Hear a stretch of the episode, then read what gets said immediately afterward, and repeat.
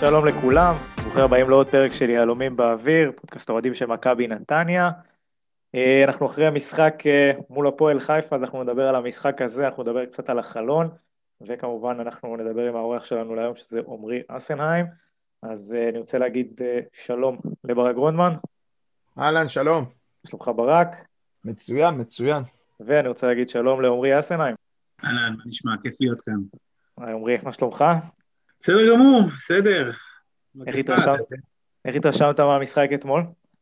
אה, מחולק, מחולק עד הכרטיס האדום, במאה הכרטיס האדום. עד הכרטיס האדום חשבתי שאנחנו צריכים אה, להבקיע ולצאת משם עם שלוש נקודות, ומאה הכרטיס האדום התפללתי בכל רגע ש, שלא, אה, שלא נקבל גול, וקצת הצטערתי שאין לנו שחקן כמו חנן ממן, יצירתי כזה באמצע, שיודע לתת את העומק, שיודע לתת את הצ'יפים, שיודע לבעוט מרחוק.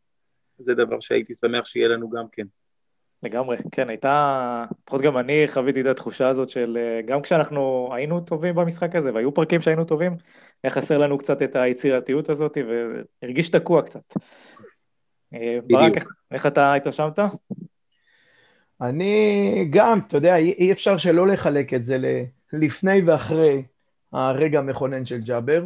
אה, אני דווקא זוכר ששבוע שעבר היה שחקן כזה כמו חנן ממן באמצע, שחילק כדורים ועשה מה שהוא רוצה במגרש. עם שם משפחה קצר או ארוך? כן, כן. הוא קשור, יש לו למקורות, ל, ל, ל, לעולם התורה. וטוב, השבוע הוא כנראה לא הגיע, זה עניין של... אה, לפעמים הוא מופיע, לפעמים לא. אה, אבל כן, זה היה ממש להסתכל על הסגל שלהם ולקנא, גם נס זמיר בכלל המחליפים שבאו, המושאלים של מכבי, כמו שעמרי אמר, כאילו כל רגע אמרת לא, לא, לא, לא, לא, לא, לא, לא, לא, לא, לא. הבעיטה הזאת של ממן שם, בהחמצה המשוגעת שלו, זה... כן, ולירן סרדל, יותר מוקדם. כן, היו שם כמה החמצות. אני חייב להגיד שאיכשהו בצורה נורא הזויה, למרות שיש לנו יחסית תוצאות טובות מולם, תמיד משחקים מול הפועל חיפה זה כזה מרגיש לי, אני נע באי נוחות בכיסא. דיברנו על זה שבוע שעבר, שזה באמת המשחק מכבי חיפה, מכבי תל אביב, באר שבע, אפילו ביתר, אתה בא כשאתה אומר, ביתר זה תלוי איך תופסים אותם, הם יותר טובים מאיתנו, אוקיי? גם מכבי פתח תקווה שבאו. יש קבוצות שאתה אומר, הם פחות טובים. גם בזמן נתון, אם אתה במומנטום כזה או אחר. הפועל חיפה, זה תמיד יושב, בדיוק זה מה שנקרא נקודת האדישות. הם בדיוק יושבים על אותו קו, אתה לא יודע מי יותר טוב ממי ואיך. לא, נראה לי הסגל שלהם יותר טוב. אבל לי יושב גם החמש אפס בראש, כשאתה בא לשם ומגיע לאיצטדיון של נגד הפועל חיפה, החל מהשנה שעברה, החמש אפס יושב חזק בראש. וואו, כן, זה... תחילת העונה ההיא, כן. זו הייתה סתירה רצינית. אני באתי למשחק הזה עם, אה, עם אה, חבר שהוא עובד מכבי חיפה, וכל המשחק אני מספר לו שלדעתי יש לנו את הקישור הכי טוב בארץ. אה, היה זלי והיה ניקו וזה, וזה מסתיים כמו שזה מסתיים. היה נורא מאכזב. כן, אבל מאז אנחנו בסדר איתם יחסית. כן, כן, האמת שאנחנו עושים תוצאות אה, די טובות מולם, וגם בסיבוב הראשון ניצחנו, וגם עכשיו תיקו, בסדר, בואו, היה, אפשר, אפשר לשרוד את התיקו הזה, במיוחד אחרי השבוע המוצלח הקודם שעבר עלינו. לגמרי. להשיג שבע נקודות בשלושה משחקים אחרונים, אתה לוקח את אה, מכבי תל אביב, זה משחק שנתניה הייתה אמורה להפסיד בכל מקרה, למרות שכמו שראינו אתמול, גם עם סכנין שמפסידה ברגע האחרון, וגם עם מכבי חיפה, שאשדוד מגיעה מולה בלי רגשי נחיתות, שאנחנו בדקה 15 נגד מכבי חיפה, נגד מכבי חיפה כבר במינוס 2, אז אתה אומר, חבל על המשחקים האלה, אבל מכבי היינו צריכים להפסיד, במשחק נגד, קודם נגד סכנין, אז אם אתה מסתכל על זה, חמישה משחקים אחרונים, אנחנו עם שלושה ניצחונות, תיקו והפסד, אפשר לחיות עם זה טוב. תשמע, זה, זה באמת נקודה שצריך לצאת עליה את הדעת. כאילו, אתה רואה את מכבי תל אביב, אתה רואה את מכבי חיפה מתקשים מול קבוצות אה, אחרות בליגה, ואיך שמולנו זה מרגיש כזה קל. אני כן, חייב... כן, עמרי. לא, אני אומר זה, אנחנו מקבלים פיק ברכיים נגד הקבוצות האלה. מכבי תל אביב היסטורית כבר בשנים האחרונות, אנחנו, למעט הארבע אחת שם עם דיה סבא עם השלושה, אנחנו לא מצליחים לעשות כלום נגדם. אה, ומכבי חיפה זה, זה אפילו עוד יותר גרוע, גם למעט, לדעתי ניצחנו שם 2-0 אה, אה, אצלם לפני איזה שנה, שנתיים, אבל כשהם באים לנתניה אתה תמיד מרגיש שזה אוטוטו, אתה, אתה מרגיש שמההתחלה השחקנים עושים במכנסיים נגד קבוצה כזאת, וזה זה מבאס, אני חושב שאנחנו יכולים לעשות תוצאות הרבה יותר טובות מול הקבוצות הגדולות, אנחנו באים, אנחנו נותנים הרבה מאוד כבוד לקבוצות הגדולות, שבאות הקטנות אנחנו, אנחנו יחסית בסדר.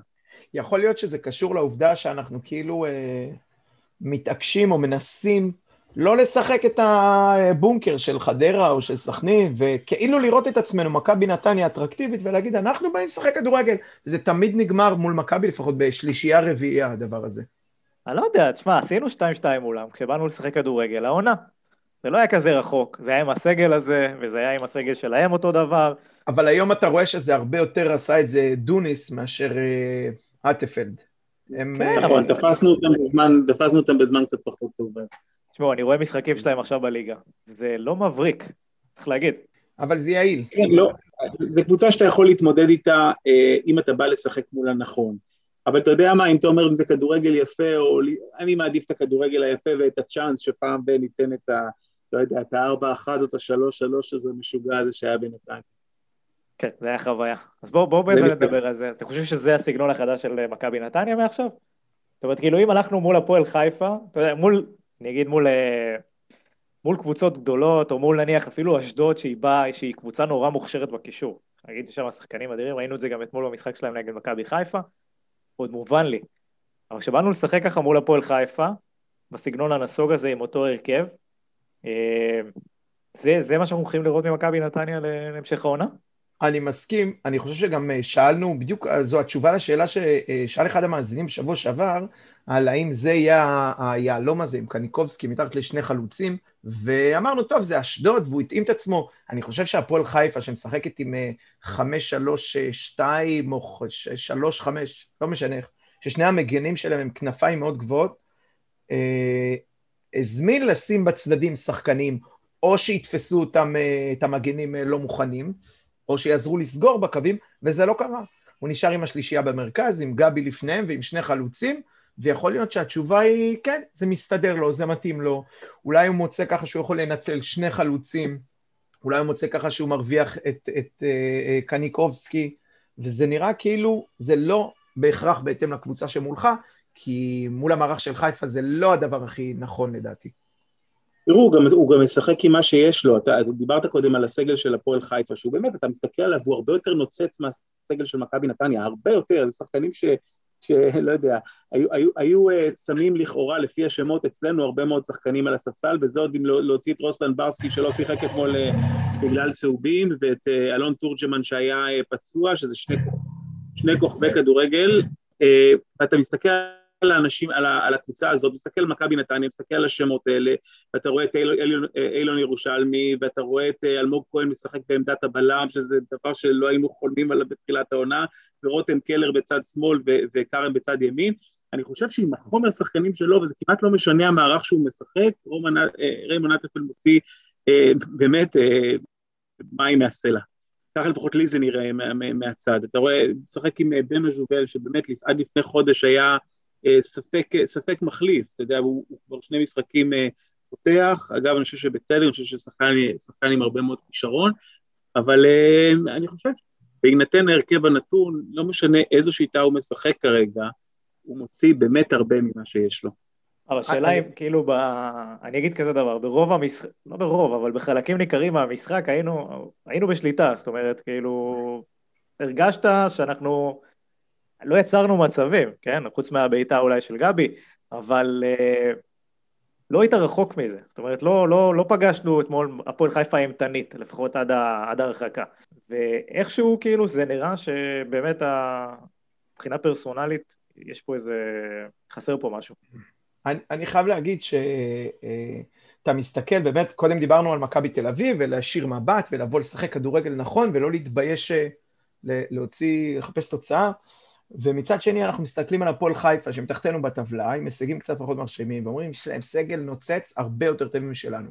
עכשיו, אני מסכים עם זה, והשאלה היא איך העובדות האלה אה, משתקפות אה, מול, אני כאילו מנסה להבין, ואני אומר, יכול להיות שאנחנו רואים את עצמנו אה, אחרי איזה משחק חלש נגד קריית שמונה או כפר סבא, אומרים, הסגל חלש, חייבים חיזוק, ואחרי שנראים נהדר מול מ"ס אשדוד, אנחנו כבר מכוונים לטופ ארבע, יכול להיות כן, שיש משהו, מה אני אגיד? קודם כל זה ליגה של תנודות, זה כיף. אבל אה, כן. אני חושב שזה מתבטא בשתי דברים. אחד זה יציבות הסגל, זאת אומרת, איך אתה, אתה יודע, לאן זה מתכנס לאורך זמן, אה, ובזה זה מתבטא, וגם בפיקים שלך, איך הם נראים הפיקים שלך. זאת אומרת, אם הפיקים שלך 1-0... אני חושב אבל שגם נגד מ"ס אשדוד, וזה לא שראית שמכבי נתניה שיחקה אה, מצוין ואי אפשר להתווכח עם התוצאה 3-0 ועם היום המדהים של דבי קונקורסקי, אבל אתה לא ראית, אתה לא הרגשת שאתה דומיננטי עליהם כל המשחק ושאתה שווה את ה-3-0. בכלל לא. כאילו אנחנו, כן, כאילו אנחנו השגנו כמעט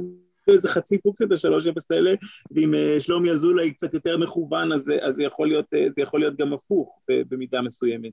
וזה... אה, וגם אתמול, לא הייתי מתפלא אם זה היה 2-0 להפועל חיפה, ואתה יודע, ולא הייתי מתפלא אם זה היה 1-0 למכבי נתניה. זה, אין איזה קבוצה שאתה יכול להגיד, היא שלטה במגרש, וה-0-0 הזה אה, אה, עושה לה עוול גדול. וזה ו... בדיוק, בדיוק מה שאתה אומר, אני חושב שזה בדיוק העניין אה, בינינו לבין, אה, נגיד, מכבי תל אביב ומכבי חיפה, לא בסגל, אלא ביכולת אה, לדעת מה אתה מצפה מעצמך ומה אתה הולך לקבל. ועוד פעם, ברמת הציפיות, יכול להיות שתיקו נגד כפר סבא יאכזב אותנו, ויכול להיות שתיקו נגד כפר סבא נצא ממנו מרוצים. יכול להיות שניצחון מול אשדוד זה טוב, וגם רביעייה זה משהו, לחטוף מהם זה משהו מקובל. כאילו, השאלה היא איך שמים את, ה, את, ה, את המשקולת לכיוון הנכון. ולא לבוא כמו ביצת הפתעה, כמו איזה לידס בליגה האנגלית, שיכולה לתת רביעייה למנצ'סטר, לחטוף שישייה מאסטון וילה. אבל זאת, זאת הליגה הזאת השנה. זאת אומרת, כאילו אם אתה שם עכשיו חמש, חמש, שעות קבוצות בחוץ. מי לקחת את המאבקים הספוגים האלה, לא יודעת, מכבי תל אביב ומכבי חיפה, כמו תמיד, זה לא זה לא הליגה שלנו, שם אנחנו יכולים להרשות לעצמנו להפסיד, אגב יכולים גם להרשות לעצמנו להתבאס מהדרך, אנחנו יכולים להרשות לעצמנו להתבאס שבדקה 15 זה כבר 2-0, אפשר להגיע למבט בגובה העיניים גם מול הקבוצות האלה ולפעמים גם לגנוב להם איזה תיקו כמו שעשינו נגד מכבי תל אביב או אפילו לנצח. העניין הוא במאבקים הישירים האלה, הפועל חיפה, בני יהודה, אה, אולי קצת גם הפועל באר שבע, ביתר ירושלים, אלה המשחקים ואני חושב, ואנחנו נדבר על זה, אני מאמין גם אחר כך, דניאל, על חלון ההעברות, אבל אני חושב שההבאה של שיר צדק, ובטח נדבר על זה עוד, היא, היא בעניין הזה גיוס מאוד מאוד מדויק של שחקן, בטח לינואר.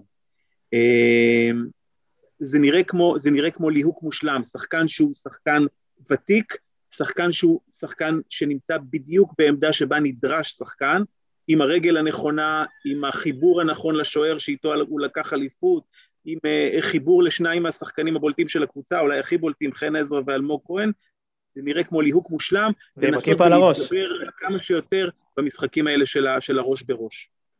לגמרי. אה, אז בואו בוא נתחיל לדבר רגע אה, על ההגנה שלנו אולי. ראינו את אלמוג כהן, שלושה משחקים בלם, שלושה משחקים, הרשים, צריך להגיד. יש מצב אפילו אה, איש המשחק אתמול, אבל בואו בוא נדבר על זה עוד שנייה. אלמוג כהן צריך להישאר בלם עד סוף העונה? זו שאלה דרמטית, בייחוד בהתחשב בכל הדברים הנכונים שעמרי ציין עכשיו אה, ביחס לרכש. אה, בוא נניח שלא, עד סוף העונה. משחק הבא, מתי ששיר צדק יעבור בבקרה. אז מה יעשה אלמוג? ישחק מקדימה? אנחנו ראינו אה, עונה קודמת, וגם בתחילת השנה הזאת, שזה לא... זאת אומרת, זה בסדר, אבל אתה מקבל בתור בלם ממנו הרבה יותר. אז אה, בוא נניח ש... שהוא כן נשאר בלם. אז שיר צדק הובא כדי להיות מחליף, ישחקו שלישיית בלמים. עכשיו זו שאלה שאולי היא, היא, התשובה אליה זה המפתח לאיך תראה העונה בעשרה, 12 משחקים הבאים עד הפלייאוף. תשמע, אני, אני לא יודע עדיין אם אני אוהב את זה שהוא כל כך טוב בתור בלם. זה, זה בדיוק מה שאני אומר, זה, מה שאמרת זה בדיוק הנקודה. הוא כל כך הרבה יותר, יותר טוב מאשר בתור קשר אחורי, שכאילו זה שם אותך בסיטואציה שאתה לא יודע, זה מבאס, הייתי מעדיף שנחטוף איזה גול שתיים במקומה ונגיד תעזוב. הבנו, הבאנו מחליף. בוא תהיה קשר. כן, תחזור לעמדה שלך.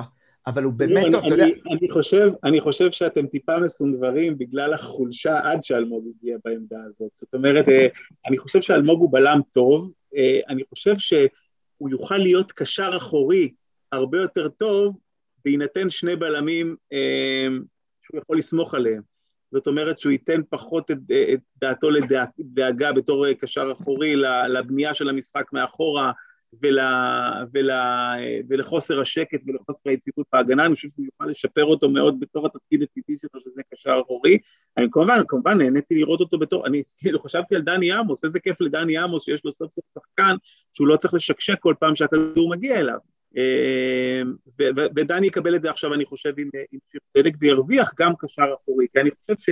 תראו, עם כל הכבוד לניסויים שהיו, ואני בחלק מהמשחקים מאוד מאוד אהבתי את יובל שדה, אני חושבת שהוא עושה עבודה מצוינת, ואתמול אילון ירושלמי, ואלעד שחף פה ושם שהוא נכנס, אני חושב שאלמוג כהן עדיין, אה, הוא רמה מעל כולם גם בקישור האחורי, אני חושב ששנה שעברה, אם אתם מוציאים את הכרטיסים האדומים שהוא ספג, קשה קצת להגיד את זה, כי זה היה המהות וזה היה העיקר, אבל אם אתם מנטרלים את הכרטיסים האדומים, אלמוג כהן היה מצוין בתור קשר אחורי, בכל הסטטיסטיקות שלו, הוא, הוא גם מתעקש להגיד את זה בראיונות איתו, חבר'ה, אני הייתי טוב, רק חטפתי אה, כמעט כל משחק שני כרטיס אדום.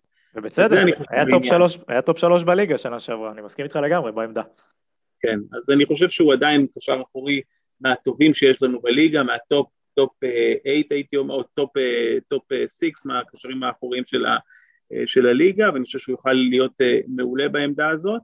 תזכרו שבתור בלם הוא, הוא סובל גם מהרבה חסרונות, עניין גובה, עניין מסה, כל מיני דברים כאלה, במשחקים האחרונים באמת שיחקנו אה, חוץ ממכבי תל אביב, שיחקנו עם אה, קבוצות שהן טיפה יותר נחותות בהיבט הזה, אז אני חושב שהוא יסתדר יותר טוב. שזה רוב הליגה בתכלס. נכון, זה נכון. זה נכון. אה, כן, אז אתה אומר, אתה מחזיר אותו לעמדה. כן, אני חושב, תראו, כמובן שהתבגרות הרבה פעמים מביאה שחקנים לרדת למטה, לשחק בלמים. אני לא חושב שהוא עדיין שם. נכון, בדיוק. חד משמעית, לכן אני חושב שאלמוג הוא מצוין בתור קשר אחורי, הוא יכול להיות מצוין גם בתור uh, בלם, בטח בליגה שלנו, אבל אני חושב ש, שעם בלם uh, טוב ויציב, ואחד שאפשר לסמוך עליו כמו שיר צדק, שהולך לדעתי להשתלב מהר מאוד בחוליה האחורית, אז, אז לפניו אלמוג כהן יזכה להרבה מאוד שקט, ואולי יוכל להביא את, למקסם את היכולות שלו, לפחות במונחים של הליגה הישראלית. כן, תכלס הכושר של שיר צדק יכריע רבות לגבי העמדה של אלמוג. זה נראה לי מה שאנחנו נגלה בזמן הקרוב. לגמרי.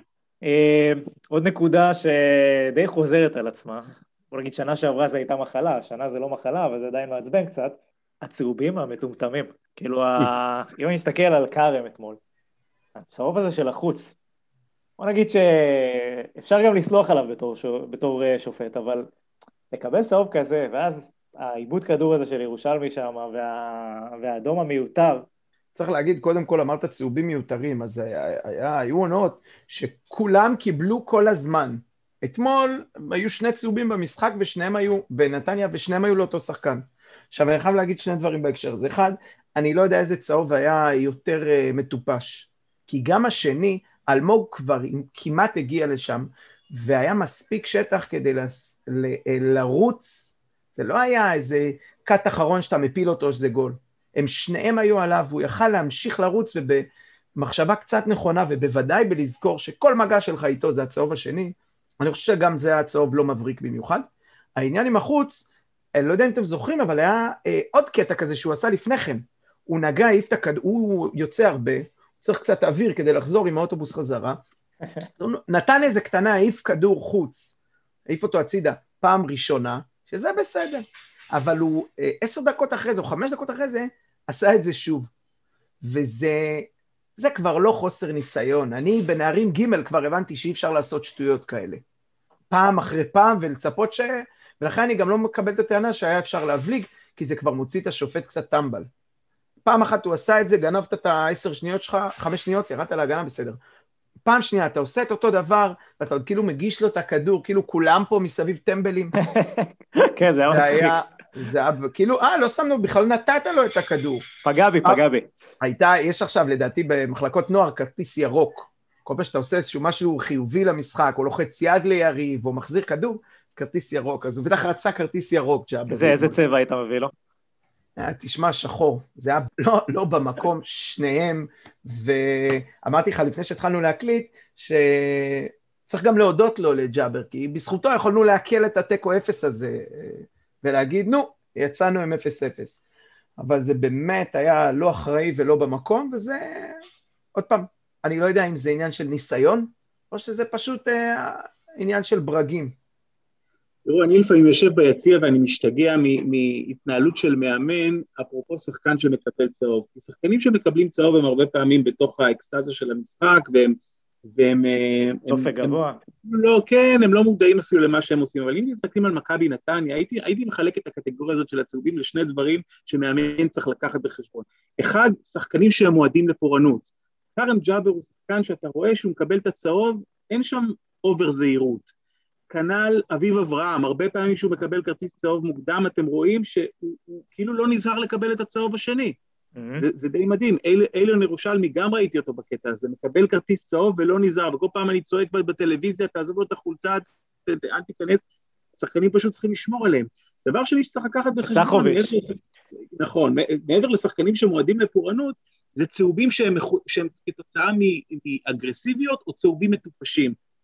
וזה מאמן צריך לקחת בחשבון. מאמן צריך להבהיר לשחקנים שלו בתחילת המשחק, שצהוב ראשון, שהוא צהוב אה, מטופש, כלומר, אה, מנעת משחקן לקחת את הכדור, מחאת כפיים לשופט, לא צהוב שהוא כתוצאה מפאול אגרסיבי שנאלץ, שעצר התקפה, או בכלל משחק אגרסיבי, זה אה, צהוב שעלול לשחק, לסכן את השחקן בהוצאה במחצית. היום יש לך בחמישה חילופים, יש לך גם שחקן, עידו וייר, שממילא אתה מכניס אותו בדרך כלל במקום כרם ג'אבר באיזשהו שלב של המשחק, אתמול גם הכנסת. אם אתה רואה ששחקן קיבל צהוב בדקה ה-18, והוא שם בצד ימין, כל הזמן באים אה, מהצד שלו התקפות, אז במחצית אתה אומר לו, אדוני, כל, הרי מה הדלתא בינו לבין אה, עידו וייר? אין שם איזה, לא זה לא שחקן נוער שמחליף שחקן של בוגרים, זה שחקנים שהם פחות או יותר באותה אוריינטציה, באותה יכולת. אתה רואה שחקן שקיבל דקה 18 כרטיס צהוב, למה שתחיה עם דפיקות לב כל המשחק? תחליף אותו במחצית, או תחליף אותו אפילו דקה 40. האמת שבעולם של... בעולם של חמישה חילופים, אה, יש בזה הרבה מן ההיגיון. בדיוק. אני, אני חייב להסכים ולהגיד שבשנה שעברה אה, גם, אה, גם אלמוג וגם עוד צהובים ועוד שהיה לפני כן סתיו פיניש הרבה צהובים, היה דיבור על זה שדראפיץ' כאילו זה משהו שמראה, בדיוק ביחס למה שעומרי שאמרת, מראה על איבוד, איבוד שליטה. כאילו, תשמע, הם עושים מה בא להם במגרש, הם אף אחד פה לא... ועניין כזה של, רבותיי, צהוב ראשון. רגע, אז לאן, לאן אתה לוקח את זה עכשיו עם ארטפלד? הוא גם איבד שליטה. לא, לא, כי זה גם לא איזה משהו סיסטמטי שזה, אה, גם אצל אביב זה כניסות של, אצל ג'אבר זה באמת, העניין של החוץ באמת נראה כמו, כאילו יאללה, עושים מה שרוצים.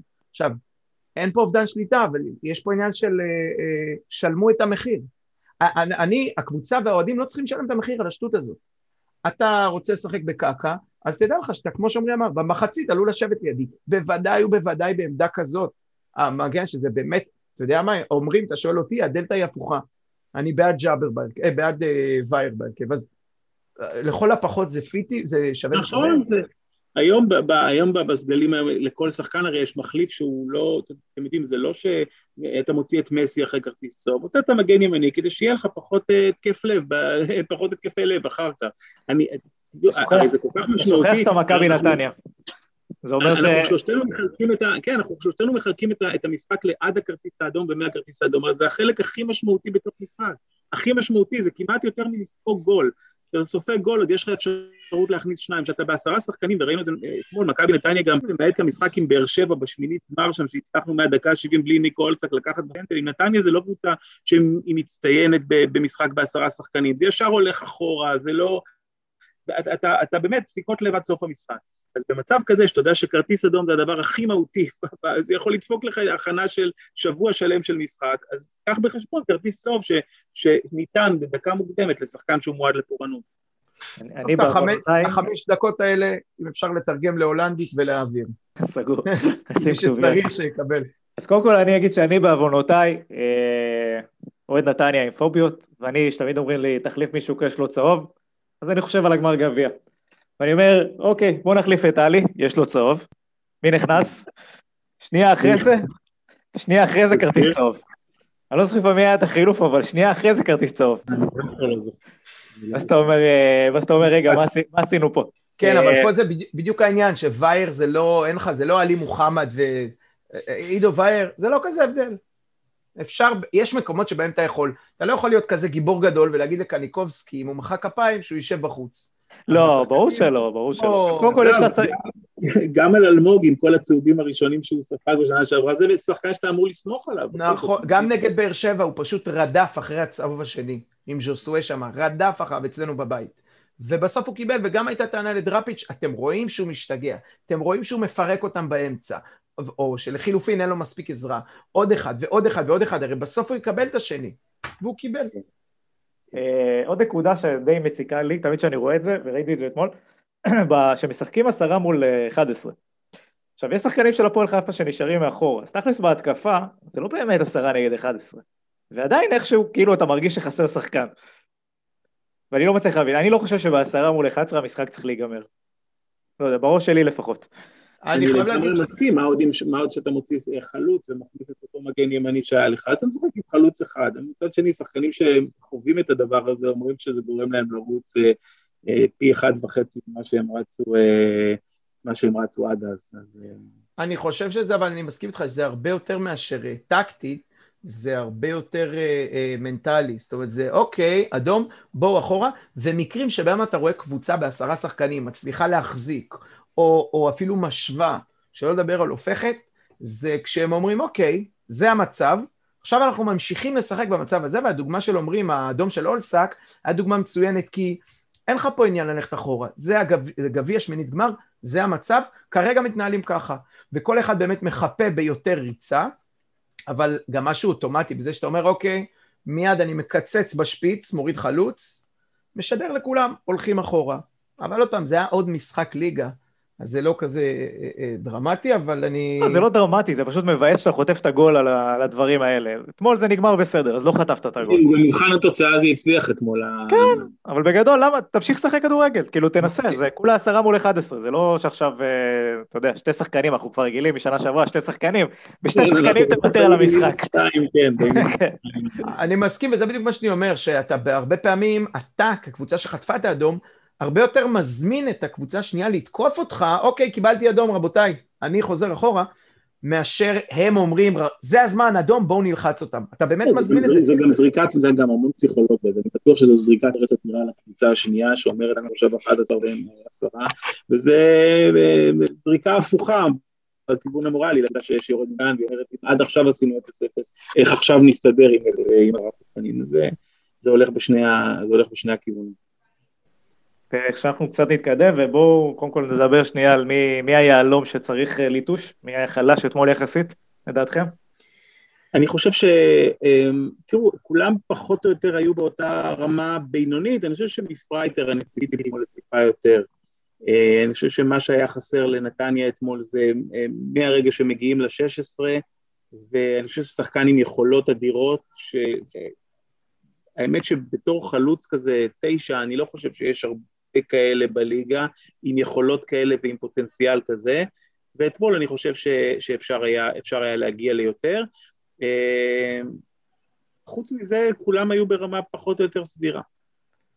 אז אני ברשותכם אקח את הבן זוג שלו, שאני כבר מריץ פה בקמפיין אה, עוד מתחילת העונה, ובייחוד בשבועות האחרונים, זה עוד פעם היה שם איזשהו קטע של, אה, שם בתוך הרחבה, הדריבל המיותר הזה שעושה, זה מתחיל להיראות כאילו זה תופס זווית של אה, ישראלי טיפוס, רכש ישראלי טיפוסי שמתגלגל בין קבוצות ולא מצליח, וזה חבל, כי אני מסכים עם מה שעומרי אמר בהתחלה, ואמרתי את זה עוד קודם. אני חושב שהוא חלוץ אה, מעולה. היו לו תקופות שהוא ידע להיות גולר מצוין. בטח, אני זוכר אותו מעכו, הוא היה פחד אלוהים כן. לשחק נגדו. לבד, סחב, סחב את עכו לבד על הכתפיים, הוא גבוה, הוא חזק, הוא מהיר, הוא טכני, יש לו הכל. אבל אין לו ביטחון. אה, כן, זה זה, אז עוד שבוע ועוד שבוע, ואני חייב להגיד שאתמול, זה כמובן, זה היה לפני האדום, זה כבר אה, נמאס לי, כבר יצאו לי, אה, מה שנקרא, לכיוון הטלוויזיה, דברים ש... חלאס, די כבר, כמה אפשר לחכות לזה? אני צריך את ההחמצות מהמשחקים הקודמים, היו לו שם איזה, אני כבר לא זוכר אם זה אשדוד או כפר סבא, אבל היו לו שתי פעמים זה יכול היה לגמור את המשחק שלו, כן. זה שיגע, היו שם פשוט החלטות ברמה, ברמת החלוץ החלטות אה, בלתי מתקבלות על הדעת כמעט, אה, זה לא החמצות, זה, זה ברמת קבלת ההחלטות. וזה... לא, זה, זה נורא, בגלל אגב, זה אני טועה אם זה עניין של ביטחון או שזה פשוט עניין של זה הבן אדם. אתה יודע מה, אז אני אגיד לך משהו, זה עניין של אובר ביטחון, זה המחיר שאין מלאדה. אובר ביטחון אתה חושב? לשחק, הוא עלה לשחק נגד בני יהודה, אתה ראית אותו שם באחד מאחד, כדור בשמאל, מסביב לנירעון שמה בבלומפילד. אה, כי הוא ידע שיש לו הזדמנות אחת והוא חייב לשים אותה. גם נגד סכנין, אני מזכיר לך, הוא נתן גול חוקי שנפסל. נכון, אה, נכון. גול חוקי לחלוטין, גול של מסה, גול של חלוץ, חלוץ גדול, באמת, גול טוב. ומרגע שהמאמן עובר לשחק עם שני חלוצים, כלומר, ב... אין לך תקן לחלוץ אחד, זה שניים, וכל השניים על המגרש, אין בכלל מחליף, אז uh, יכול להיות שזה, אתה יודע מה, אם ננסה לנתח, מה שנקרא, לאנוס את המציאות, אז אולי בהפוך על הפוך הוא מרגיש שקט ורגוע מדי. לא יודע מה להגיד לך, זה חייב לבוא, כי זה, זה יותר מעצבן, כי יש לו את זה. זה לא שאתה מביא לפה בלם מנורבגיה, שאתה אומר, הוא לא בענף, ויאללה, ניפטר. אני אתן לך היום לעשות את המונולוג. אתה מביא חלוץ שיש לו, ואתה יודע שיש לו את זה, והוא מתחבר לקבוצה, ו... טוב, נחכה לו עוד קצת, בסדר. כן, אה, האמת שהייתה בחירה קשה, היה אתמול אה, לא, לא מעט שחקנים מתחת ליכולת שאתה מצפה או רוצה, הזכרתם שתיים מהם, שזה הז'ובל ופרייטר, אני אוסיף אה, את גבי לרשימה. בגלל הציפיות שלך, אבל בגלל הציפיות של שבוע שעבר. תראה, את הבעיטה היחידה למסגרת הוא נתן. כן, אבל איכשהו, אני אגיד שגם אם הוא לא היה נותן את המשחק ההירואי שבוע שעבר, גבי זה השחקן שאנחנו מצפים ממנו. זאת אומרת, גבי זה כן. היחידי בהרכב שאתה לא יכול להחליף. נכון. אתה חייב לעלות איתו. אז הוא צריך לתת לך את האקסטרה הזה. יש משחקים שהוא נותן, יש משחקים שהוא לא, יש משחקים שזה נגמר ב... סליחה, יש משחק שזה נגמר בשתי שערים ובישול, ויש הרבה משחקים שזה נגמר בבישול או בגול. אבל uh, אתמול זו הייתה באמת הופעה חלשה, גם בסטנדרטים שלו וגם ביחס, uh, ביחס לקבוצה. Uh, שקלתי לשים את uh, כרם ג'אבר, אבל uh, חוץ מהאדום הזה, אני חייב להגיד שהיה לו משחק סביר. Uh, כן, יחסית, יחסית מצטרף, ובהגנה... לא היה חורים גדולים מדי, לא היה לא. דברים איזה. כן, הוא מגן טוב, הוא מגן טוב, והחדשות הטובות זה הוא מגן שיש לו את כל השנים עוד לפניו. אה, כן, נקווה ש... שגם החוכמת משחק תגיע עם הזמן. אני בטוח. אה, בטוח. ראינו מקרים, אומרים. כן, זה לא... ראינו מקרים. כן. ונעבור קדימה לקישור, סליחה. דרך אגב, אני הולך עם פרייטר, אני חושב על זה טיפה יותר לעומק, אני הולך עם פרייטר. אה, באמת הייתה הופעה חלשה אתמול. וכשאנחנו מסתכלים על הקישור שלנו, אני רוצה קודם כל לשאול אתכם אה, על אילון ירושלמי, אם לדעתכם זה צריך להיות אה, מה שראינו עכשיו, השלישייה הזאת של ירושלמי, אביב אברהם ו, אה, וגדלמן, זה משהו שאתם הייתם רוצים איתו קדימה, ואילון ירושלמי בפרט, מעניין אותי אם זה חול... זכאי לחולצת הרכב או לא.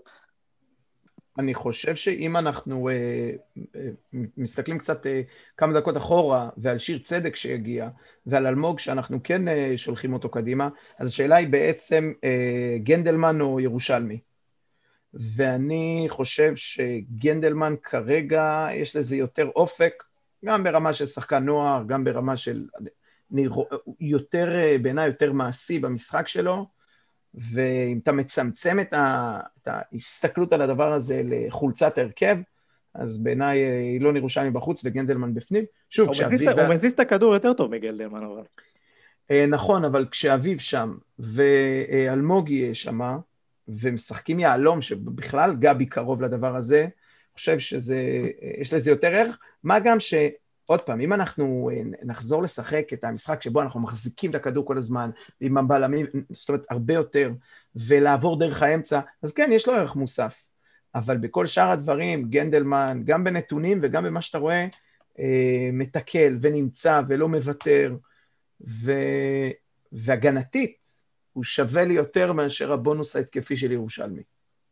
אני חותם על כל מילה, אני גם, אני גם חושב אגב שאפרופו העונה המשוגעת הזאת עם המשחקים הצפופים, העניין הזה של המושג חולצת ההרכב הוא כמעט איבד מהמשמעות שלו.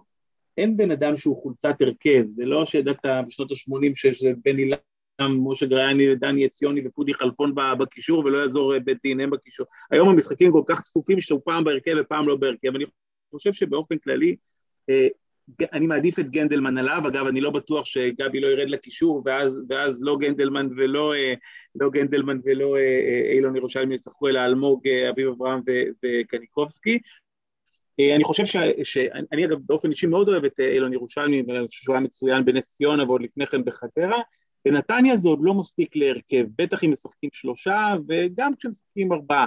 זה, זה, זה כאילו, זה, זה יכול להיות מחליף ראשון מצוין, זה יכול להיות אה, אה, אה, פילר בהרכב למצב של משחקים ולרצף של משחקים צריך לתת אה, נשימה, אבל זה עדיין לא מספיק כדי, כמו שאומרים, כמו שהקלישאה אומרת, לתקוע יתד בהרכב.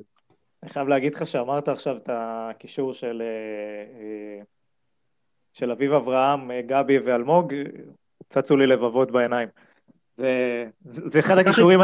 ככה התחלנו השנה, עמק בנדה היה, היה כשיר ושחן עזרא שיחק באופן קבוע בהרכב, ואז היה פרייטר למעלה והז'ובל החליף אותו, או מלאדה החליף אותו, היה לנו סגל באמת עשיר.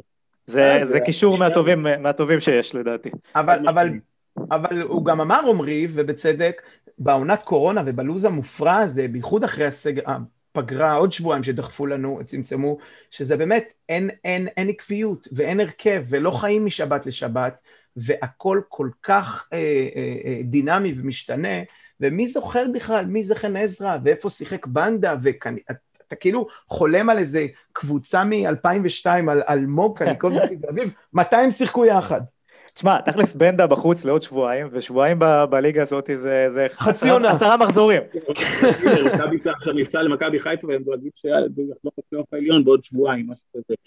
אבל אה, אני חושב שדווקא בעונה כזאת, זאת עונה של הזדמנות עבור השחקנים האלה, כמו אלוהים ירושלמי, כמו אלעד שחר, שחקנים שכשמשחקים משבת לשבת בקושי היו רואים אה, דשא, השנה גם בגלל חמישה חילופים וגם בגלל שהעונה היא כל כך צפופה וצריך את השחקנים ה-14, 15 ו-16 האלה, דווקא בגלל זה זאת עונה, עונה שיכולה להיות חלומית בשבילם. כי הם לא, שוב, הם לא לגיטימיים לפתוח שבת אחרי שבת בהרכב, אבל בעונה כזאת הם יכולים למצוא את עצמם כפי שהם אכן מוצאים, עם לא מעט דקות. אמת, אמת, בואו ש... נקווה שהם ידעו לקחת את ההזדמנויות שלהם, כי זה נניח הדבר שאכזב אותי שבוע שעבר, ב... שבוע שעבר, משחק קודם ב... עם אילון ירושלמי, שהוא אה, ציפיתי ממנו לקצת יותר רוע, קצת יותר רעב. אה, אמרתי שעד שאתה יודע, שחקנים שאתה, שצריכים, עד שמקבלים את ההזדמנות שלהם, בוא תנער, תנער, תיקח את ההזדמנות הזאת בשתי ידיים. תראה, וגם אפשר לבעוט לשער מדי פעם, יש לו רגל אה, אימתנית, כמו שאומרים, הוא באמת יודע לבעוט לשער, לא הרבה שחקנים כאלה בנתניה יודעים לבעוט לשער, והוא עושה את זה מצוין, ואפשר, במיוחד שהמשחקים הם צפופים, אפשר לעשות את זה אה, יותר מחצי פעם במשחק. מקווה באמת שזה יקרה, רק נציין בקישור גם אה, משחק אה, טוב מאוד אתמול של, אה, של אביב אברהם.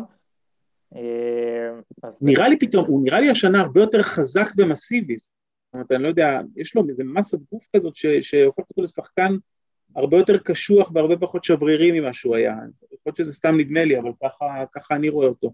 אני לא יודע, אני חושב ש... אני רואה אותו הרבה יותר בוגר, הרבה יותר מסיבי, בנוי, נכנס למאבקים של 50-50, הוא לוקח הרבה מאוד מהכדורים של ה... 50-50, הוא באמת... זה, אה, זה, זה, זה הפואנטה, הוא באמת נכנס, מה שבעבר לא היה נכנס לכולם, הוא נכנס כמעט לכל הזדמנות שיש לו, ואתה בניגוד לפעם, שלא ידעת לאן הכדור ילך, אתה יודע שזה באמת למעלה מ-80 אחוז יסתיים בצד שלנו.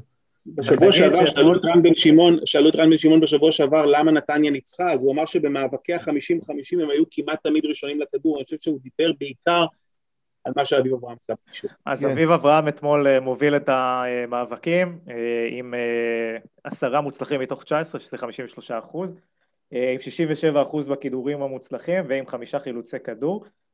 בנוגע למה שאמרת עמרי, על זה שאתה רואה אותו יותר חזק העונה וזה מרגש, אז, אז אולי צריך לתת טובה, מילה טובה גם לתהליך שעשו איתו.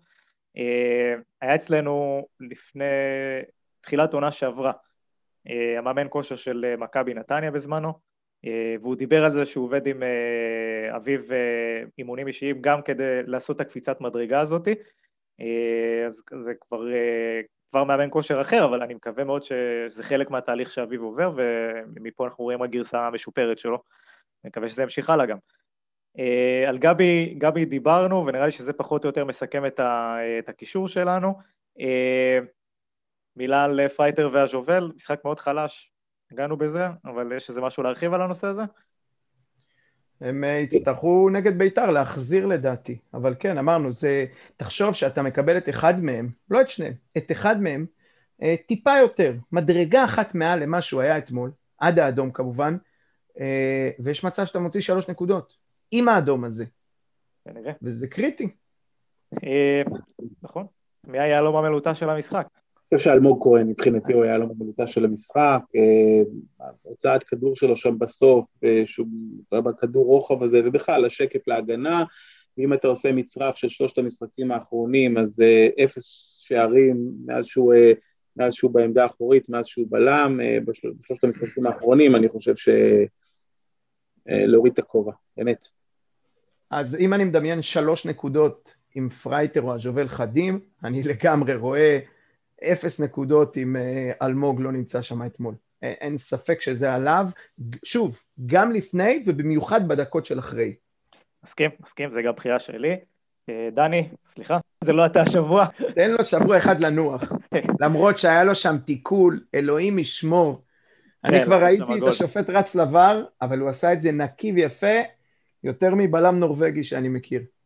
בעיניי ללא ספק שוער הליגה מספר אחת השנה, underrated ברמות מטורפות, אה, אני לא מצליח להבין איך יש מישהו שחושב אחרת, באמת שוער שהציל אותנו, אני לא מדבר על הפנדלים, שזה, אתה יודע, זה יכול להיות אה, גם מריו זוכוביצקי בהפועל באר שבע בשנות ה-80 היה טוב בפנדלים, אבל הוא שוער ליגה מעולה, אתה סומך עליו ב-200. אחוז, אגב, בעונה הראשונה שהוא בא למכבי נתניה זה לא היה ככה, אתה ראית, אני קורא לזה שוער אופנוע, אתה יודע, אופנוע אתה יכול לנסוע עד שיש לך תאונה, אז היית תמיד מחכה לתאונה שתקרה לו במשחק, אבל השנה זה פשוט שוער שאתה סומך עליו, שאתה, ב, ב, אתה אומר, אם, אם, אם הוא לא היה, אה, בהינתן צמד הבלמים, ששיחק עד שאלמוג כהן נכנס אה, מאחורה, אני חושב שהיינו במצב אה, על סף, על סף מתחת לקו האדום, אם לא, אם לא, אם לא, אם לא גרוע מכך. אין בכלל ספק, וזה מה שנקרא נבדק כמדעית ומספרית. כל המשחקים שהוא הציל, גם אם, כמו שאמרת, שמים את הפנדלים בצד, והבירטוזים שהיו פעם, האופנוע שהיה נתקל לך בעבר. אני אהבתי את הביטוי הזה. אופנוע, כן, זה חזק. כן. זה לא רק שזה לא קורה היום ואתה בטוח איתו, הוא גם משחק הרבה הרבה יותר עם הרגל, ועוד אלמנט שהוא שיפר, זה ההוצאת כדור מהירה. אני זוכר שאני את הגרון שלי הייתי מושיב כל שבת ביציאה, על תוציא אותו כבר, זו, כשהיו שחקנים מהירים, עם דיה סבא ועם זה, וזה לא היה קורה. תמיד היה מטעה אותנו, היה עם הכדור מעל הראש ולא. לגמרי. וצד שני... עונה ראשונה חצי כוח, ומאז uh, במגמת עלייה שלא תיפסק. כן. מקווה. Uh, בואו נדבר קצת על החלון באמת, אמרנו שנזכיר, אז uh, קודם כל ניגע בעוזבים.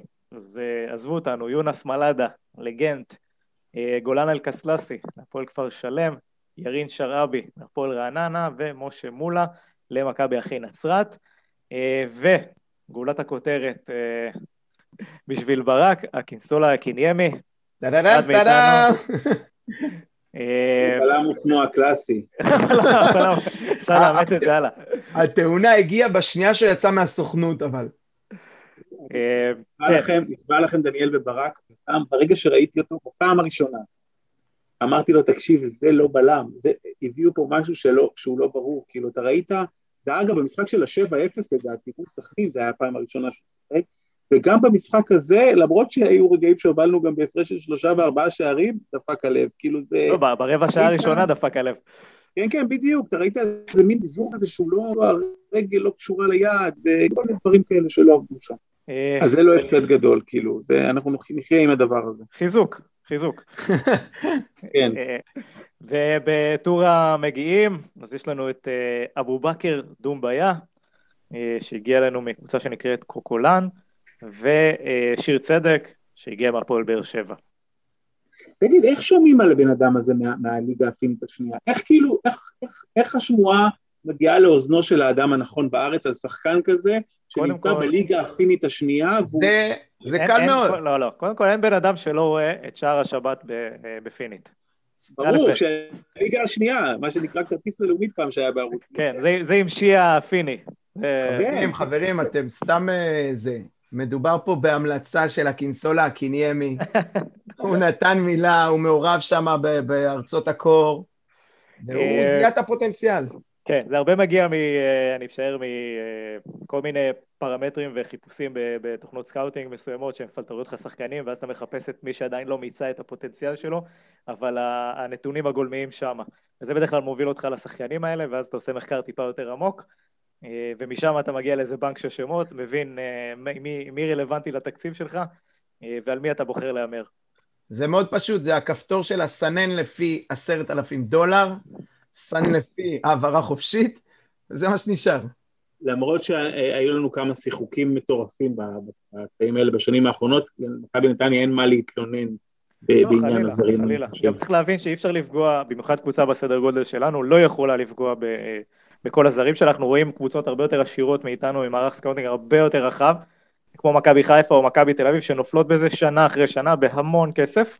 לגמרי, ואחרי זה קונות את הזרים שלנו בכפול אה, שלוש. בדיוק, אין, אין, אין ערובה לדברים האלה, זה תלוי בכל כך הרבה גורמים, זה גם השחקן עצמו, וגם איך שהוא מתאקלם, וגם איך שהוא מתאים לקבוצה, וגם חדר הלבשה, אלף ואחד גורמים שמכריעים אם שחקן אה, מצליח פה או לא מצליח פה, אה, וכשאין, אתה יודע, כשאין את האופציות הגדולות, אז הסיכויים טיפה פוחתים אפילו, ובנימה אופטימית זאת נאחל לדוביה בהצלחה. כן, ודיברנו על שיר צדק, הזכרנו קצת, יש איזו עוד עמדה שהייתם מביאים אליה? מהעצה, מהעצה הישראלי אני לא חושב. שוב, אמרתי, אה, חנן ממן כזה, שחקן שמשחק מאחורי החלוץ קלאסי, אבל לא כמו גבי שבדרך כלל עדיף שהוא ישחק באגף. אה, אנחנו חמים שהוא... פה על זה, דיברת, אנחנו חמים פה על קניוק. נכון, גידי, איפה הוא משחק היום גידי קניוק? הוא נעלם. אה, בליגה הפינית השנייה. כן, הוא היה בהפועל חיפה מצוין, גם שחקן כזה שאתה פועד שהוא בא מולך, נכון? שחקן כזה שאתה יודע שכל שנייה יכול להוציא איזה בעיטה מהמקום מ-25-30 מטר. כן, זה החנן ממן לעניים שלנו, אנחנו כבר עונה שלמה מחכים שהוא יבוא. כן, איפשהו בתאילנד או שקר כזה, קזחסטן, טאצ'יסטן. בדיוק, גידי קניוק זה, זה יכול היה להיות... אולי, אולי, אולי, איתי, אולי איתי אנגל יכול לאתר אותו באחד המסעות. כן, כן, לגמרי, באזרבייג'אן איפשהו, שם באיזה מלחמה. אבל אה, לא, אני באמת חושב ששחקן כזה זה אחד ש, שהייתי... אבל שוב, זה קשור לשיטת המשחק, אם הוא רוצה לשחק אה, שלושה קשרים ושלושה חלוצים, אז, אז שחקן כזה לא ימצא את עצמו. אה, אם הוא משחק את היהלום, זה שחקן כזה הוא כמעט מתבקש. כי, כי איכשהו תמיד אני מרגיש שאצל גבי זה לא העמדה שלו. לא יודע, אני חושב שגם קניוק וגם גבי הם שחקנים די מגוונים. זאת אומרת, הוא לא חייב לשחק ב-10, הוא יכול לשחק גם ב-50-50, הוא יכול לשחק גם... זה תלוי. כן. אני, אני, אני חייב לומר שבקשר לרכש, אני חושב, ועוד פעם, זה מחזיר אותנו לדיון של שבוע שעבר, ובכלל ההסתכלות של מה אנחנו רוצים מהעונה הזאת, עם קורונה, בלי קהל, אה, עם חמישה שחקני בית בהרכב, אני חושב שהבאנו לפה את גורי ואת דומביה, ו... וזה שניים ש... מה שנקרא, נשאר לנו 12-14 משחקים עד הפלייאוף, בוא, לא, פחות, על מה אני מדבר? אה, בוא נצליח לאקלם או להרוויח משהו מזה, כדי שזה לא ייכנס לנו עוד פעם ללופ של הקיניימי, ועוד פעם כרטיס טיסה חזרה בסוף העונה.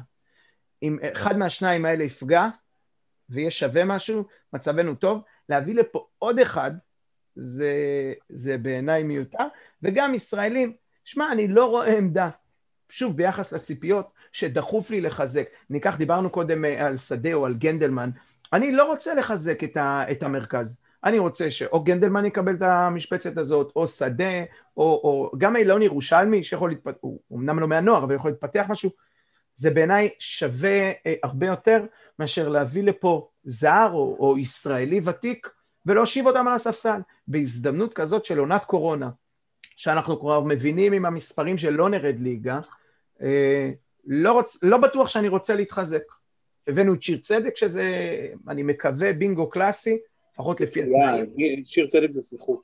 כן, אז, אז בתנאים הראשוניים שלהם, אה, של הדבר הזה, והלוואי וזה יתחבר, ואם זה יתחבר ואם אלמוג הולך קדימה, לא צריך יותר כלום. אני לא רוצה... תזכרו שזה ינואר, בינואר היכולת שלך לפגוע והיכולת שלך לשנות היא מאוד מוגבלת, היסטורית, אם אתה מסתכל על זה. זה בדרך כלל שחקן אחד או שניים גג, ש... שיכולים לעשות איזשהו שינוי או איזשהו, איזושהי דלתא, איזושהי תוספת, אבל זה לא, זה לא Game Changer, זה לא הקיץ שאתה בונה קבוצה ואתה רץ עם ההכנה ויש לך זמן לניסוי וטעייה, אתה צריך שחקן כאן שיחזיק לעשרה, חמישה עשרה משחקים, ייצב לך את, ה, את הבורג שהיה טיפה משוחרר ו, וזהו. אה, כן. מסכים, אני... אולי, אולי הייתי שוקל להביא דווקא אפילו עוד מישהו מאחורה, אה, בתור בלם. אה, צריך להגיד, כי מה יקרה ש... אם, אם שירי פצע, או אם אה, ונדרקאפ יקרה משהו, אז גיבוי. אז, אז בדיוק רציתי לומר שאם, לא יודע אם שמת לב, אותי זה הפתיע, אבל אתמול נכנס למגרש שחקן מספר 20, דולב אזולאי. נכון. שזה אחרי שהמועדון והמאמן הודיעו לו שהוא לא בתוכניות. אה, עניינים כאלה ואחרים. זה היה קטע די מוזר באמת, הכניסה שלו. זה כאילו בן אדם שכבר חשבת שהוא משחק בקבוצה אחרת. כן, שהוא חתם באיזה אחי נצרת או כן. משהו, והוא פה. פספסת אינטרנט באותו יום ולא ראית את זה. הוא פייטר, הוא נלחם על המקום שלו. הוא לא רוצה אבל, לעזוב. ובסיטואציה כזאת שאתה יודע שיש בלם אחד אה, בן 19 והבלם השני על, עולה על המטוס, אז לאן יש לך למהר? אז אוקיי, אז יביאו את, אה, את אה, שיר צדק, אבל הוא כאילו פה, אז אפילו ברמה הזאת של הבלם משלים, אם אתה באדומים או בזה. הוא בלם ארבע עכשיו, בהיררכיה. כן, הוא, הוא אחרי אלמוג, ואולי לפני גנדלמן בתור בלם. אולי. כן, ועכשיו יש לך שיר צדק, אז אתה, אתה, זה יוצא ארבע.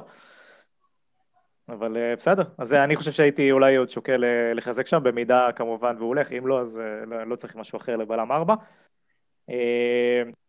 המשחק הבא שלנו, דרך אגב, הוא מול בית"ר ירושלים. נשאר שם מישהו שלא משתעל? איך, איך זה עובד? אז זהו, אז קודם כל, נחמד לדעת שהמקדם הדבקה יותר גבוה מהממוצע שערים שלהם, זה כבר מרגיע. אבל בואו באמת נקווה שיהיו אה, חסרים כמה שחקני מפתח, כי אה, בא, בא, בא בטוב לנצח את המשחק הזה וגם לצאת, אה, להמשיך את המומנטום החיובי שלנו. ותמיד יש פיקנטריה לפגוש את סלובו וברדה. הם משחקים היום, נכון, בית"ר? נראה לי שכן. או אמורים לפחות, אני לא יודע מה... לא, האמת שאני לא יודע מה קורה שם. כן, לא ברור מה קורה. לא, היום חדרה, הפועל תל אביב משחקים. אה, אבל יש להם, הם גם, כל הליגה פה על אה, משחקי השלמה, יש להם מוח, אה, מחר נגד בני יהודה בטדי. אז זה משמעותי, זה אומר שיש להם שני ימי התאוששות אם המשחק הוא ביום רביעי. לגמרי, כן. כן. מעניין, לטובתנו. כן. כן, אז נקווה שנצא מהמשחק הזה עם ידנו על העליונה. ולפני סיום, בואו נדבר קצת, זה עמרי, אותי סקרן ברמה האישית. בהתחלה, קודם כל, נגיד שגם אני וגם ברק נורא אוהבים את העבודה שלך. תודה רבה. וסקרן אותי לדעת איך, איך בחור שגדל ב, בתל עדשים מסיים בתור אוהד מכבי נתניה. תראו, אני לא יודע בני כמה אתם, אבל כשאני הייתי בן שבע, נתניה לקחה אליפות. מכיוון שגרנו בתל עדשים, שהעיר הכי קרובה זה עפולה, ומכבי עפולה שהייתה אז, לא הייתה אז הפועל עפולה, אבל מכבי עפולה שהייתה... לא ידעת שערן לוי יבוא לשחק באזור. לא, לא היה לי מושג, אבל אה, זאת לא הייתה אופציה, עפולה, אז אה, מכבי חיפה עוד הייתה לפני השתי אליפויות הרצופות שלה של אמצע שנות ה-80. כשאני הייתי בן שבע והתחלתי לאהוב כדורגל, מכבי נתניה זה היה, אי אפשר היה לאהוד משהו אחר, אם חיפשת קבוצה, אם היית אדם ניטרלי שחיפש קבוצה לאהוד, אז לא היה לך משהו אחר, זה פשוט היה רק את זה, לא יכולת להתחבר לשום דבר אחר. ואגב, אצלנו במושב זה, זה די מדהים, אנחנו, יש אצלנו אנשים שהם אוהדי הפועל באר שבע, כי הם בגיל שהפועל באר שבע לקחה את השתי אליפויות הרצופות האלה באמצע שנות ה-70, יש לנו כמה אוהדים זן אדיר של הפועל כפר סבא, מהאליפות של הפועל כפר סבא בשנה וואו. שלפני נתניה, היום נתניה הייתה צריכה לקחת אליפות בשנה הזאת, היא הייתה אפילו יותר טובה מהשנה שאחרי, ויש את החבר'ה שהתחילו לעוד את מכבי נתניה אה, בעונת האליפות ההיא של 82-3, ונשארו עם הקבוצה הזאת, אתם יודעים, נשארנו תקועים איתה 40 שנה. אה, אז ככה התחלתי, ככה התחלתי לעוד את הקבוצה הזאת, אתם יודעים, לאט לאט זה עלה. אני חייב לומר שהיו לי כמה תקופות של הפסקה כאלה, זה לא היה תמיד באותה מידת אינטנסיביות, אבל זה חזר אה, משהו כמו לפני שמונה שנים, זה חזר עוד פעם מאוד מאוד חזק ברמה שאני מתעדכן בכל מילה שנכתבת על הקבוצה. כן, ואי אפשר גם להתעלם מה, מהרנסאנס בשנים האחרונות של אייל סגל, שאני חושב שזה גם אה, חיזק פה המון דברים אצל המון אנשים. נכון, אצלי זה התחיל עוד קצת לפני, אבל, אבל בהחלט כשאתה ראית שמשהו בריא נבנה כאן, ואתה, זה, זה, זה, מאוד מאוד חזק שאתה, שאתה רואה ש, שיש איזה משהו שהוא, שכיף לך להזדהות איתו. אני גם ארבע, אה, אני אבא לארבעה בנים, אז חלקם מגיעים איתי למגרש, אה, יש לנו בדרך כלל שלושה מנויים, אז כל פעם עושים רוטציה ככה בשני המנויים שבאים איתי, ואתה, זה כיף לך לבוא, כיף לך לבוא עם, עם ילדים ככה שאתה רואה מועדון שמתנהל כמו שצריך, שהוא בריא, שה, שאתם יודעים, ש, שהדיבור עליו בחוץ הוא דיבור טוב, מקום מסודר וטוב, וזה נותן הרבה מאוד חשק להמשיך עם, ה, עם הדבר הזה, זה מקום, זה בית שכיף לחזור אליו. מסכים, אני חושב שגם ברמה, אה, לי לפחות, די מעצבן שעושים תמיד את הקישור בין המועדון לקבוצה. זאת אומרת, קבוצה יכולה להיות טובה או רעה, זה נתון בעונה ספציפית, זה תלוי בתקציב וכל מיני דברים, אבל מועדון מכבי נתניה זה דבר שהוא אדיר בחמש שנים האחרונות לטעמי. לגמרי, אם כי אני חייב להגיד לכם שאני הכי נהניתי ב- בליגה השנייה, אה, היה חנייה, יום שישי בדרום. איזה מגרש הכי אהבת?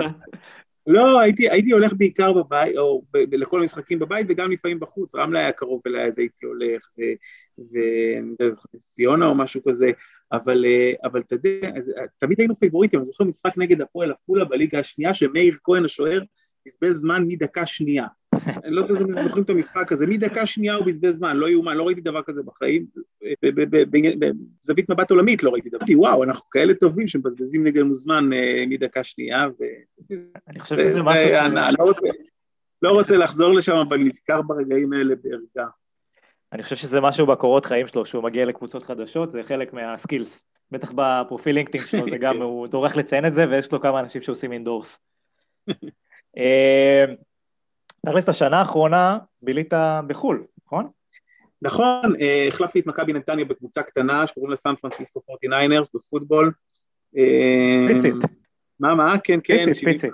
75 אלף איש. יש לי בבית, יש לי בבית סעיף שלהם מה-Jewish Weekend שלהם, שכתוב בעברית, 49ers בעברית.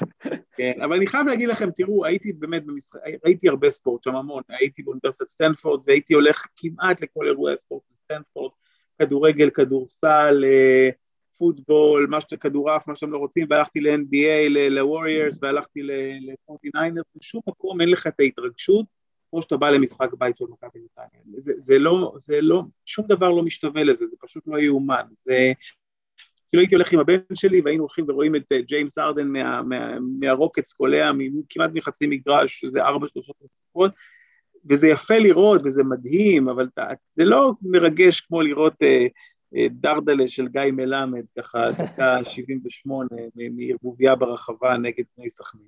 גם אם זה קורה בעילות. נכון, זה באמת, רמת הריגוש לא הצלחנו לשחזר בארצות הברית, של, מספורט.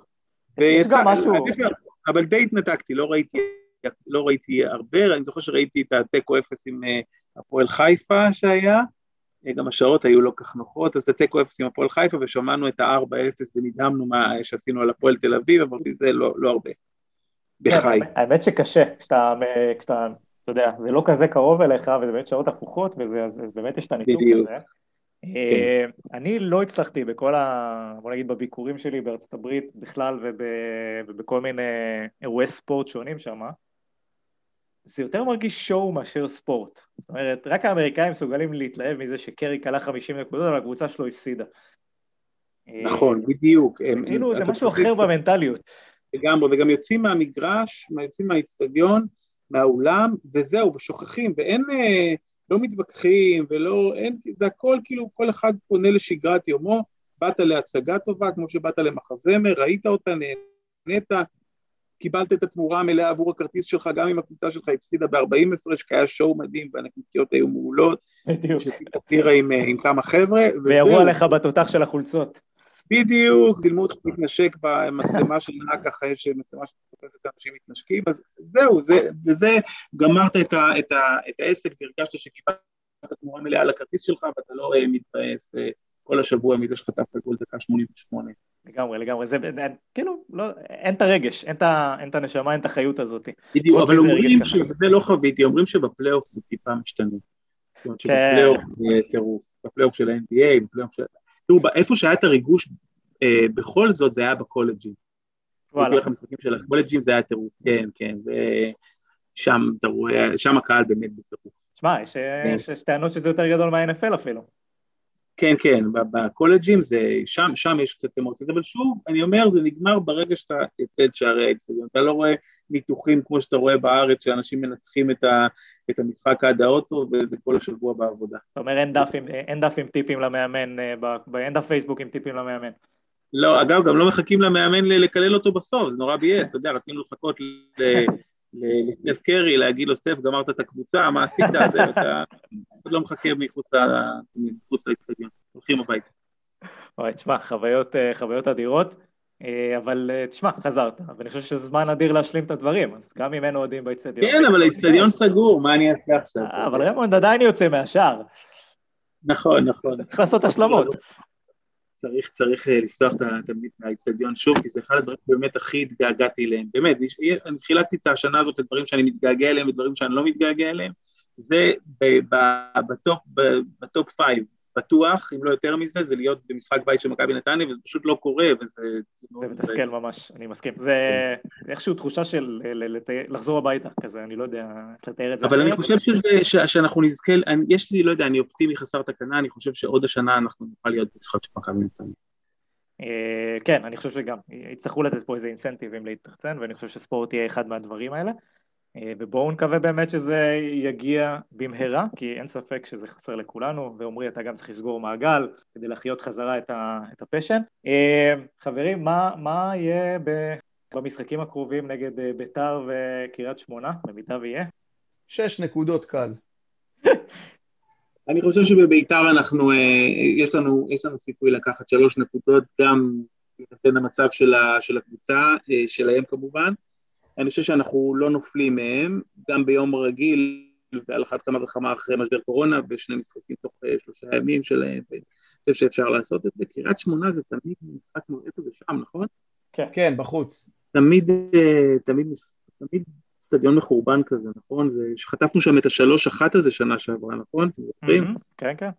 Uh, זה תמיד אצטדיון ככה מבאס, לא יודע, גם, ה, לא רק את השלוש אחת, גם חטפנו שם אחת אפס שנה לפני כן, אתם זוכרים, בפתיחה המזעזעת שלנו, uh, מהגול הזה מרחוק, אני כבר זוכר. היה, פעם זה היה אצטדיון שמאיר לנו פנים, זה השתנה בשנים האחרונות. כן, אז כן. הבישול אגדי של ערן לוי מבעיטת חמש. גם נכון. נכון, נכון, נכון, נכון. יצירה של עמוס בקצות הציפורניים, בחיבור שם. ועוד גול אדיר של ליה. לא, גם עכשיו שאי אפשר, אתם יודעים, בדרך כלל משחק נגד קריית שמונה, או שנוסעים לילה לפני, או שאנחנו מדווחים שהקבוצה נסעה לנוח צהריים במלון, נכון? עכשיו באמת, אוטובוס, רגליים מקופלות שעתיים, צריך להתחיל לשחק. קצת בדג על הדן. שאלה, שתי נקודות, זה מבאס, נכון? שתי נקודות משתי המשחקים האלה זה רע. כן, אני חושב תיקו מול ביתר, תיקו מול ביתר, ניצחון מול קריית שמונה. אל תהיה חזיר. ארבע ושש, ברור שזה פנטזיה. לא, לא פנטזיה. ארבע טוב לי, אני חושב שזה יהיה. מתקבל. אני חושב שעם ארבע אפשר להיות מאוד מרוצים. אבל זה יהיה ארבע? אני חושב שזה יהיה ארבע. אני חושב שכן. וכמו שעמרי אמר, גם לי יש תחושה שביתר, עם הקורונה או בלי הקורונה, אני חושב שאנחנו לא מסוג הקבוצות שמדליקות את אה, ביתר לשחק כדורגל או לנצח בכל מחיר. אנחנו נבוא בשקט, נעקוץ את ה-1-0 עם ההזדמנויות שלהם. לדעתי ביתר זה שלוש נקודות. גול של דומביה. כן. שיר צדק משחק כבר ביום אה, רביעי? זהו, זה ענייני בקרה וכאלה. אמרו שהוא יהיה בסגל, אני לא יודע אם הוא ישחק בהרכב, אמרו שהוא יהיה אוקיי. בסגל. אמרתי לכם בשבת, לדעתי סגל זה הרכב. אה, אם, אם הוא בקרה וכאלה, אז לדעתי אין סיבה שהוא לא, לא בקרה, כושר, כושר משחק. בן אדם לא שיחק איזה שנה וקצת, נראה לי, כמו שצריך. לא, אבל הוא התאמן שם וזה, טוב, אקסיום נחכה עוד, אה, לא עליו אה, יקום ויפול לניצחון נגד ביתר, אבל כן, יאללה, שיבוא נגד קריית שמונה. אני מאוד אופטימי לגבי ההשתלבות שלו, אני חושב שזה יכול להיות פנטסטי. שידוך טוב לשני הצדדים. נקווה באמת, כי זה הולך לתת לנו בוסט רציני. וזהו, חברים, נראה לי שהגענו לסיומו של עוד אה, פרק אה, מהנה, בתקווה שבאמת גם התוצאות הקרובות יהיו חיוביות. אה, אז אני רוצה להגיד תודה לברק גרונדמן. תודה רבה. ואני רוצה להגיד תודה לעמרי אסנהיים. תודה רבה, היה תענוג. גם לנו, אשמח לשמוע לך בעתיד גם. ואני רוצה להודות לכם על ההאזנה, ובהצלחה למכבי נתניה, ושיהיה שבוע מהנה.